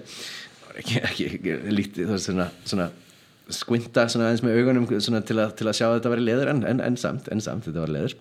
Um en svo sem sagt, já, tæknin var ekki að þróast þannig að við þurftum eiginlega svona að fara svona back to the drawing board svolítið að, að skoða hvaða tæknir væri til til að skala og hvað væri nóg ódýlt til að skala þessum prósess. Því að þetta eru þetta þrýviti tæknir fyrir það sem hafa leikið með þrýviti prentar og ég er alveg sem að margir sem að hlusta þetta hafa eitthvað leikið sem er með svo leið sko. Og það er þetta svona algjörlega painfully hæg hægur prósess þetta er bara eins og, eins og horfa á málningu þotna vegnum sko. þetta er, er ekki þetta er, rosalega sló og um, en sem sagt þannig já, þannig að við þurftum virkilega svona hugsa ef við sáum þetta minna aldrei skala þannig að við svona byrjuðum að hugsa okkur aftur um ok, hvað getum við gert til að finna prósessin sem að virka á stórum skala og eru nú ódýrir því að þrjútiprentur er heldur ekki ódýrtæki mm -hmm. og hvað ákveði þá að gera? Hver var lausnin? Það við fórum í uh, frekar einföld lausn um, tók ekki smá tíma að, að, að finna lausnin en, en, en það var mjög einföld lausn Við sem sagt fórum í, í búð í bandarækjunum sem heitir Michaels sem er svona, svona hobbybúð, þú getur kæft veist saumaþráð og skæri og, og túspenna og eitthvað svo leiðis í þessu búð Við fórum í eina, ein, það var einn svona, ein, ein, ein svona hitla í búðinu þar sem þeir voru að selja svona uh, Tupperware. Íslandingar ætti að vita hvað Tupperware er. uh, en á neðstu, á neðstu, á neðstu hitlunni þá var svona, þá var mér svona bara svona knock-off Tupperware, svona unbranded Tupperware frá einhver öðru fyrirtæki, það var aðeins ótýra. Þannig að við keiftum, uh, keiftum eitt svoleiðis box, kostiði svona 75 cent og svo fórum við nokkrum hitlum lengra þar sem við fundum, fundum svona feltefni, svona fyltefni og þarna úr, úr, úr, úr uh, endrunum uh, polyester. Og sem sagt það kostiði svona dólar 25 þannig að allt 2 dólarar including tax, það er kannski svona 2 dólarar 20 eða eitthvað svo leiðist, 2 dólarar 30 þá þarna sem sagt tókum við það, fórum með á rannsóknustofuna kliftum út þetta, uh, þetta polyesterefni við sótturinn sem það og þannig sótturinn sem knock-off Tupperware boxið okkar. Og svo tókum við frumur settum á sem sagt feltin og um, letum það að fá smá næringu. Settum inn í svona incubator sem er svona uh, vél sem að heldur hlutunum á svona réttum, réttu, réttum temperatúr og réttu svona gas concentrations með, með, með oxygen og um, koltvísing og svoleiðis nitrogen um, settum bóksið þar inn og svo sem sagt beðum við í svona þrjára eða fjóra veikur þetta litum, litum, litum frumunar hafa nýtt nýja um, nýja næring og svo leiðis eh, á þessum tíma og svo tókum við bóksið út og þá vorum við komin með kúaskinn mm. þannig að svona það sem við við fórum frá alveg svona virkilega spennandi og æðislegri og svona framtíðalegri tækni sem var ógeðslega gaman að vinna með og ég man alveg við vorum að vinna með æðislega fólki og rosalega, rosalega, rosalega þessi tæki um, en við skuðum aldrei en, uh, og fórum alveg bara hversu basic getum við gert þetta mm -hmm. og við fundum út og við getum byggt svona bioreactor system fyrir 2 dólar og 30 cent mm. including tax mm -hmm. Það þarf ekki alltaf að vera svo dýrt svona prototýpur þó það sé í, í hérna líftætni. Og það sem þið aukvöðu þarna var bara í rauninni þessi gamlags ræktun í raun. Já, algjörlega. Bara í einhvers konar lokuðu hækkerfi nei, ekki hækkerfi, hérna visskerfi Já, það er, þetta, er, þetta er svona tæknið sem er alveg búið að svona, fyrir í svona regenerative medicine er búið að vera notað senastu 30 ár. Þannig að þetta er bara þú veist mm rannsóknarteimið mitt hattar þegar ég segi þetta því þetta er ekki, ekki basic en, en þetta er svona frekar basic með við hvað. Mm um, og þetta af hverju við getum gert þetta en, en það er þetta fyrirtæki sem er að vinna að, að með svona tækni eins og við erum að vinna með sem er að rækta, rækta kjöt og svo leiðis við erum með þetta rækta leður og það er ekki, það er ekki regulated, það er engin, það er engin, það er engin stopnarnir eins og FDA eða USDA í bandaríkinum sem að, um, sem að skipta sér að hvað erum að gera. Þannig að við höfum svona svo lengi sem að frumunar lifa af og svo lengi sem að starfsfólkið okkar er svona örögt þá, þá getum við eiginlega nota hvaða prósess sem er þannig að við getum virkilega farið í hlutina og endur skoða þá og endur hugsa þá hvernig maður getur gert það bara á algjörlega mest basic hátta mm -hmm. og í rauninni þið hafið líka fundið þá leið uh, hvernig er þetta að skala þetta upp úr tapverð uh, bóksinu sem kannski dýr skamt þegar já, já Já. Það er til mikið töpurver í heiminum en, en, en, en kannski, kannski, já, nei, við erum kannski ekki bara að vera besti kunni töpurver með að kaupa all boks sem eru til að markanum. En eh, nei, það er sem sagt, og svo endur, endur hugsaðu prósessin því að prósessin okkar er, er svona, á, það er svona tvískiptur sko, það er svona eins og kallum upstream og downstream. Þannig að upstream er það sem við tökum frumunar og sem sagt frumunar þurfa að fjölga sér Um, til, að, til að hafa náða mikið af, af sagt, náða mikið frumun til, fyrir, fyrir prósessin svo sem sagt um, harvestuðum þær frumur og uh, setjum uh, frjósuðum þær og sem sagt þar sem sagt eila byrjar prósessin hjá okkur. Og svo tökum við sem sagt lítið svona væl af, af frumum um, þýðum þær og sem sagt setjum þær á skaffold sem við erum núna búin að hanna miklu betur en, en þess að getum fengið úr, úr Michaels en, en sem sagt setjum frumunar á skaffoldin setjum þar inn í, inn í sagt, uh, vélar sem við hefum hannað sérstaklega fyrir þetta því við þurfum að geta þurfum að geta stýrt svona svolítið hvernig prósessin uh, virkar inn í kerfinu því að við þurfum að það þurfum að vera sérstakt uh, það þurfum að vera sérstakt svona nutrient fyrir frumunar sem við, sem við gefum á réttum mm. tíma og koncentrasjónun og svoleiðis þarf að vera rétt þannig að, þannig að við getum svona, við erum búin að búa til núna system sem við getum regulita freka vel mm -hmm. Og eru margir í heiminum í dag að gera eitthvað sveipa? Ég held að þessi, það er hvað, tvö, tvö mm. kannski þrjú annir fyrirtæki sem er að reyna að gera svona þetta sérstaklega sko en svo er þetta ef, ef, að, ef að við skoðum svona aðeins breyðar í markaðin þá eru svona, það eru fylgt af fyrirtækjum sem er að reyna að gera um, mycelium leður, mm -hmm. uh, sveppaleður, uh, uh, sveppaleður, ananasleður, um, mm -hmm. uh, vínberja skinnaleður uh, eplaleður og já, fyllt af, fyllt af svona mismynda aðferðum til að búa til eitthvað sem er svona líkt leðri en er ekki leður mm -hmm. Akkurat, og náttúrulega mjög gaman á í rauninu þessum tíma sem þú ert búin að vera í þessu verkefni þá er, er náttúrulega líka í rauninu þessu köllun eftir eh, meiri sjálfbarni og hérna veganvörum og, og, og, og slíkt líka búið að þróast mikið og þannig að í rauninu markaðarinn er líka saman tíma stækka sem er náttúrulega gott fyrir ykkur eh, en, en, en þið eru að vinna að því að eh, rækta svona leður frá frumum en sen hefur náttúrulega verið eh, eitthvað til sem heitir kannski veganleður eh, sem er kannski bara til eitthvað leiki sem er þá ekki búið til úr frumum og er, jú kannski ekki þá leðurinnu per se, en, en svona hver er þessi helstu munur og, og af hverju myndir maður vilja kaupa e, svona, hvað ég segja, ekta liður sem er gert úr uh, frumum? Góð spurning. Það er, um, það er sem, sem sagt tvent, það sem að ég, svona, ég kemur úr bransanum um, og þegar ég var að skoða hvernig ég vildi gera þetta, þá voru auðvitað, er þetta margi mátur að gera gerfi pelsa eða gerfi liður, en, um, en þekkandi bransan þá er þetta sem sagt koma nokkra önskuslettur yfirbútt alternative eða replacement og alternative leður sem er sem sagt þetta vegan leður það hefur alveg verið í markanum síðan svona 1960 þannig að þetta er ekki ný pródút þannig séð. Er, í dag, dag er þetta aðeins betri pródút uh, aðeins vistfætni þetta var allt úr plasti. Núna er þetta svona, það er ennþá svona slattið plasti í, í þessu en þannig að í, minnst hvað sem summa þessum um, alternatives. En um, en markaðurinn hefur aldrei tekið við þessu þannig séð, þú veit, það getur það eru svum merki sem að selja vegan uh, Stella McCartney er þetta frægust sem er að selja svona vegan, vegan leður en, um, en þessi stóru fyrirtæki hafa aldrei sérstaklega tekið vel í þetta. Og það er svona þetta er erfitt að útskýra þetta en, en um, það er svona mjög sérstök tilfinning með, með leður. Um, mm. þetta er svona uh, hvað er það svona eins og, eins og fólki í bransunum kallar það nobility sem að leður hefur sem að unnur eh, efni hafa mm. ekki. Og hvernig mæ, mælum maður nobility? Ég hef ekki hugmynd en að rannsóknar fólki okkar hefur aldrei getið að finna út úr því. Um, en, um, en það er auðvitað um, að búa til eitthvað sem að hefur sömu, alveg sömu eiginleika og leður.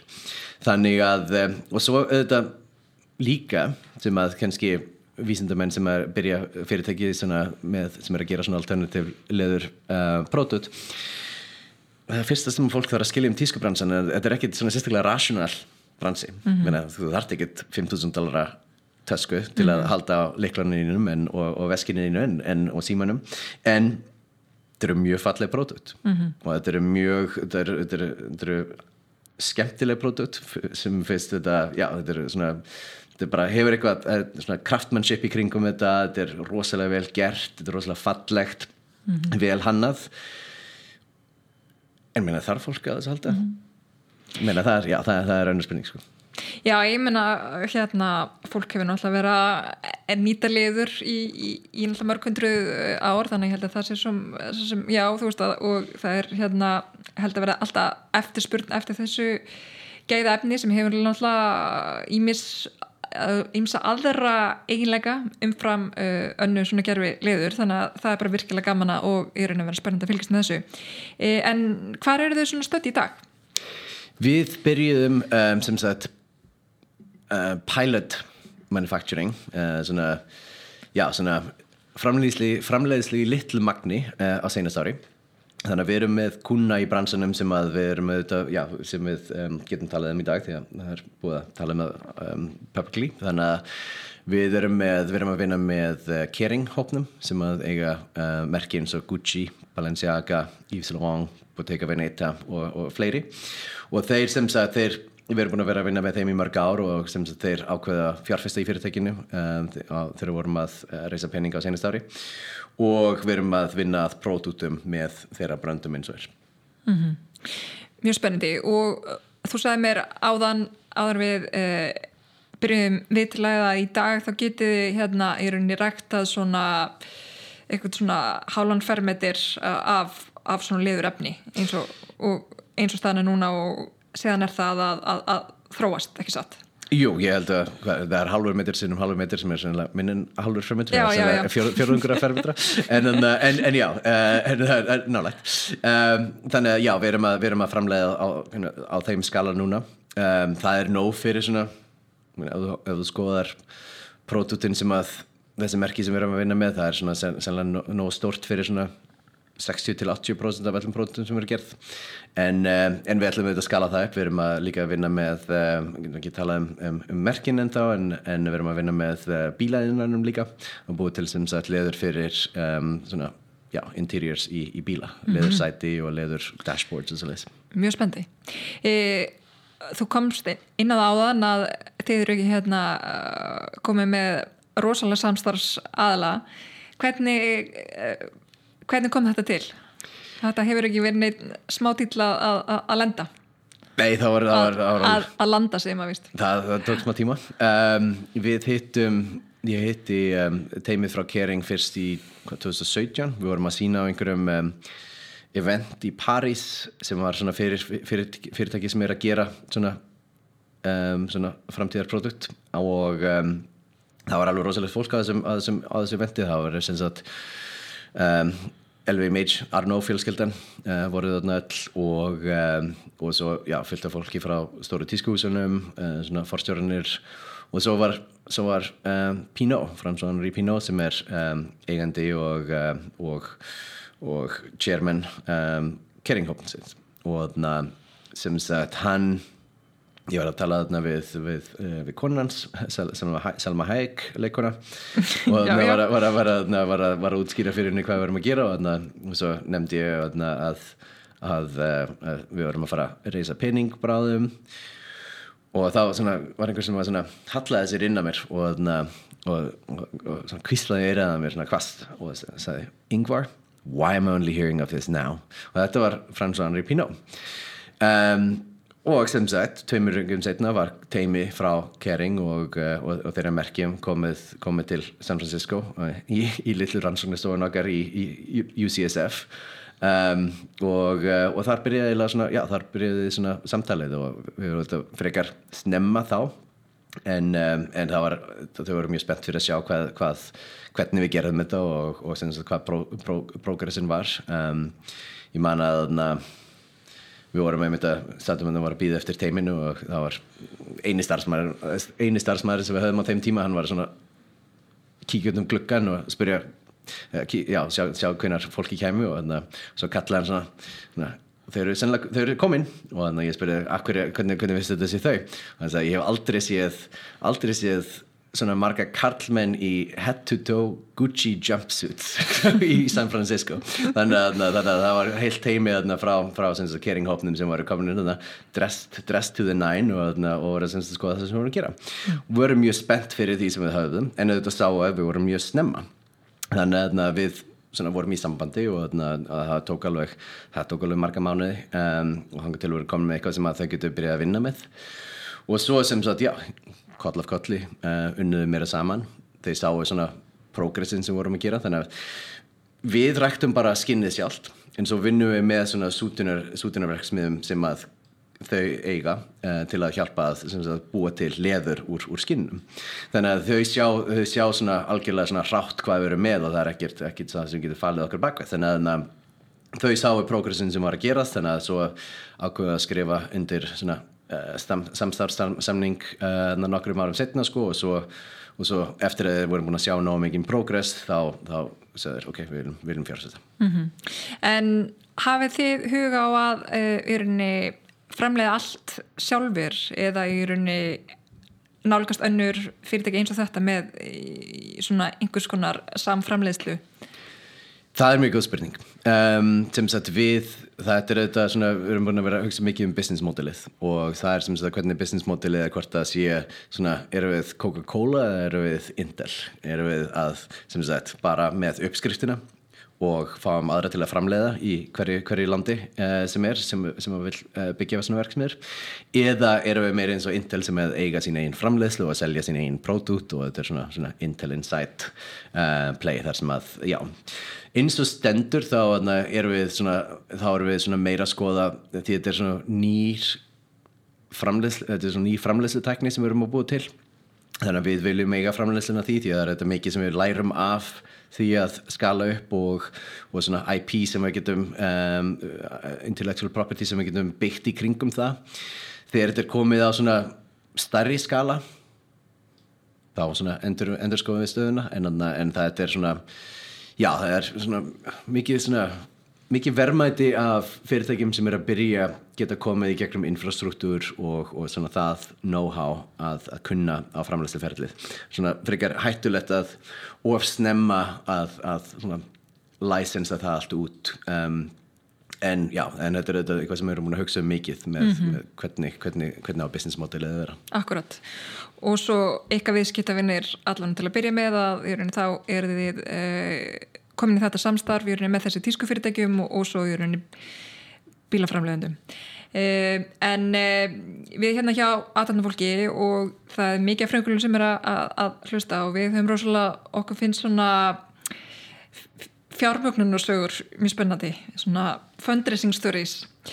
Eh, og það hefur gengið vel fjármögnu fyrirtækið eins og þú komst þarna inn á áðan og, og hérna þeir eru með flotta svona vísis fjárfæst inn í þessu eins og Kostla Ventures og, og aðra öðrun sem þú hefur nefnt. Og síðan las ég hérna líka að Leonardo DiCaprio er líka fjárfæstir og fyrstu eru nú komin á þessa línu, þú varst að tala um Salma Hayek áðan, það var henni dold að segja mig meira frá þessu. Já hefur gengið vel að fjármækna fyrirtækið? Jú, uh, þetta lítur allt vel út svona þegar maður les PR-greinunar og svo leiðist en þetta var þetta algjört Hvernig fær maður Leonardo DiCaprio til að fjárfesta? ég, ég erum aldrei hitt mannin sko en, en, en ég, er alveg vissum að bóðsmiðanir mínir á, á, á, á snekkinar sem hennar alltaf á uh, hafa bara týnst í postinum sko en, Já, það hlýtur að vera. hlýtur að koma einhver daginn sko en, en, um, en nei sem sagt við um, um, við reysum þetta peningarna eftir, eftir, eftir Y Combinator. Svo sem sagt var þetta alveg svolítið erfitt í, í langa tíma. Þetta tók, við vorum að sem sagt við höfum að gera, ég veit ekki hversu margar svona bridge round um, en, en um, þegar við vorum að breyta um tækni og, og sem sagt það var margt sem að var svona frekar óklárt á, á þeim tíma. Þannig að um, við já við vorum komin með kósla í, í, eftir, eftir í sítrandun okkar í um, eftir Y Combinator vorum komin með já, frekar, alveg, mjög, mjög flott fólk Kyle Vogt sem er founder öðna, Cruise uh, Automation sem er öðna, sjálf, sjálf, sjálfkeirandi bílafyrirtækið áður en það með stopnað Twitch sem hann, hann, hann stopnaði og seldi tvö fyrirtæki á tveimur árum fyrir meirinn miljard dollara. Twitch var heldur 940 miljónir minnskvæmsti, rosalega gaur. Um, og, og um, já, erum með, erum með góða fjárfæstu aðna um, en svo sem sagt tók það mjög langan tíma því að progress var svona frekar sló og vorum að pivota teknin okkar. Þannig að mittlið svona 2000 og lókam sítirandur einhver í 2018 og svo alveg þangar til 2021 þurftum við að gera nokkur svona extensions um, því að við vorum ekki alveg komin að réttan stað. Og svo reyndum við og, og feiluðum að reysa Sirius A okkar alveg bara margóft. Þannig að við reyndum að við ætliðum að reysa Sirius A okkar í 2019 ætliðum að reysa 15 miljón dollara feiluðum að því. Og svo svona ok, við erum ekki eins ambitious og reynum að reysa 12 miljón dollara feiluðum að því reyndum að gera það aftur með reyndum að reysa 8 miljón dollara feiluðum að því og, og, og það bara gekk ekkert þetta var, þetta var svona brú, brútal og byrju, af hverju gekk ekkert eftir? Hva? við þó vorum komnu með við vorum ekki komnu með sem sagt uh, við vorum ekki komnu við vorum, með, uh, vorum ekki komnu með fullan samning með uh, með keringhófnum þannig að það sem sagt það var ekki eins solidified eins og við vildum Um, og svo var líka bara svona spurningar í kringum tækninu okkar.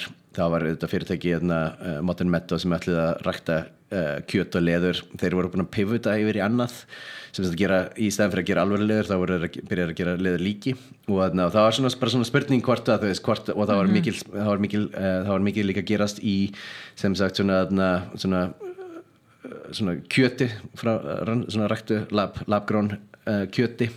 Þannig að mörg fyrirtæki sem voru svona að skoða þann, þennan bransa fóru yfir í matarpródutin um, þetta er þetta fleiri sem að hafa svona fleiri sem að hafa svona tengingar við mat en, en við liður. Þannig að, þannig að já, það, þau, en þau voru að reysa mikið penninga þeim tíma.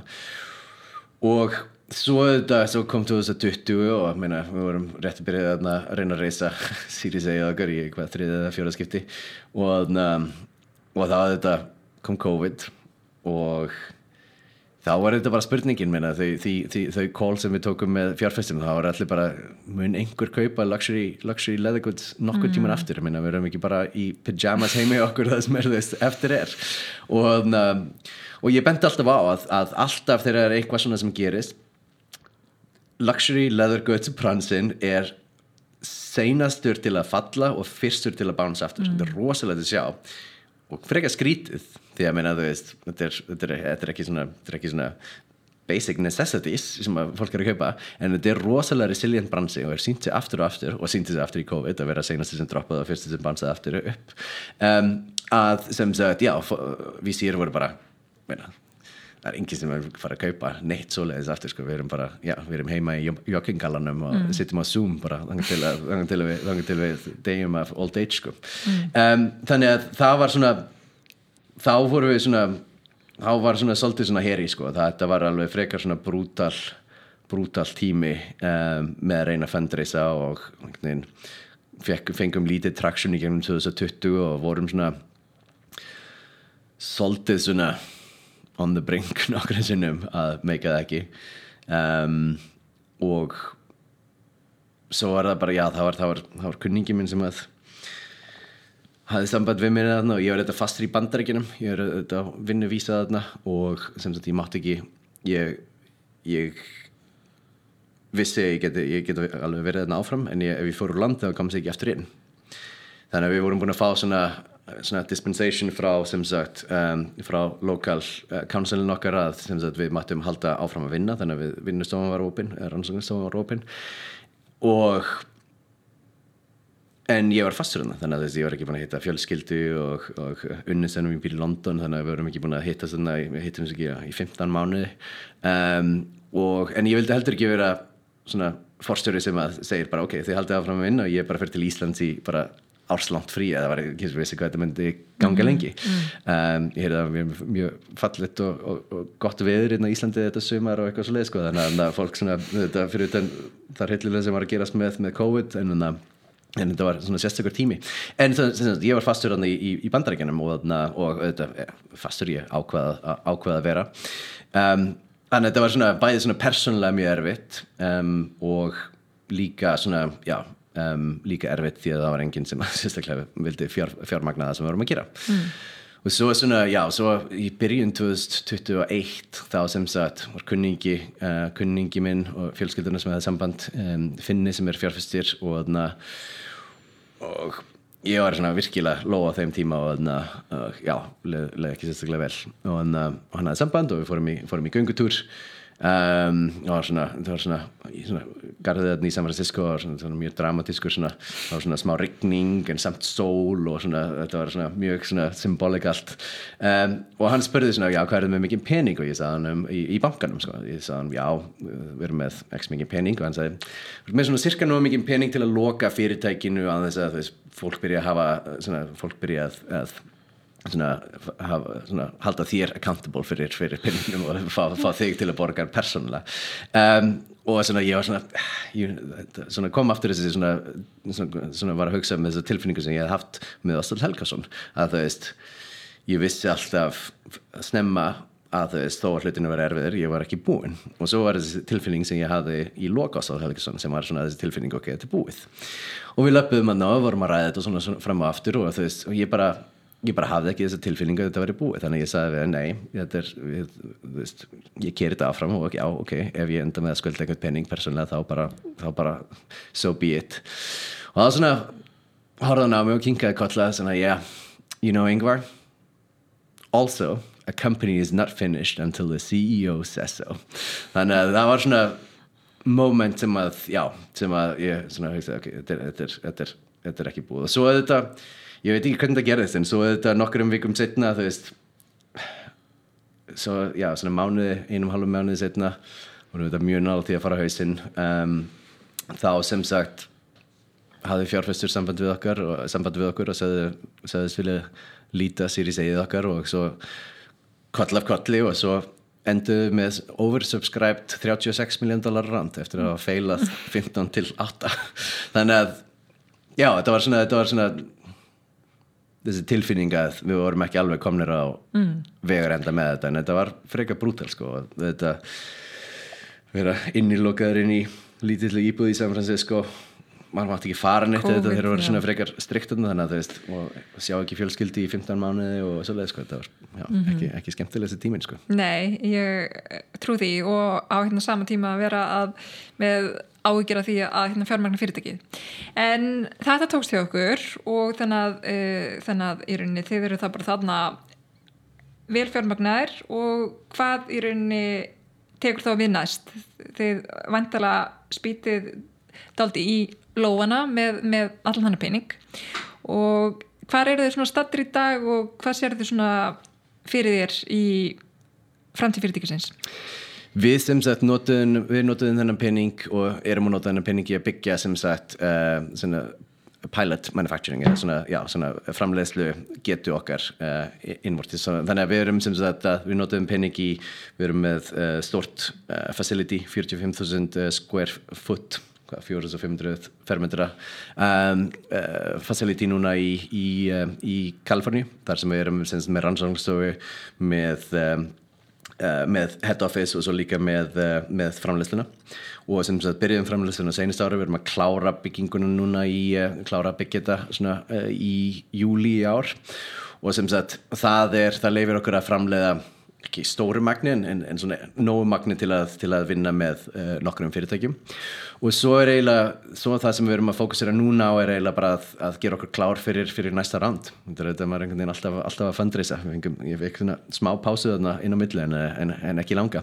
En sem sagt, svo fjármögnun mun fara í að byggja svona alvöru, svona full scale uh, framleiðslu uh, á, á leðrinu okkar og við erum núna að skoða hvar við erum að gera þetta, hvort við gerum þetta í Evrópu, hvort við gerum þetta í Bandaríkjunum eða, eða annars staðar í heiminum.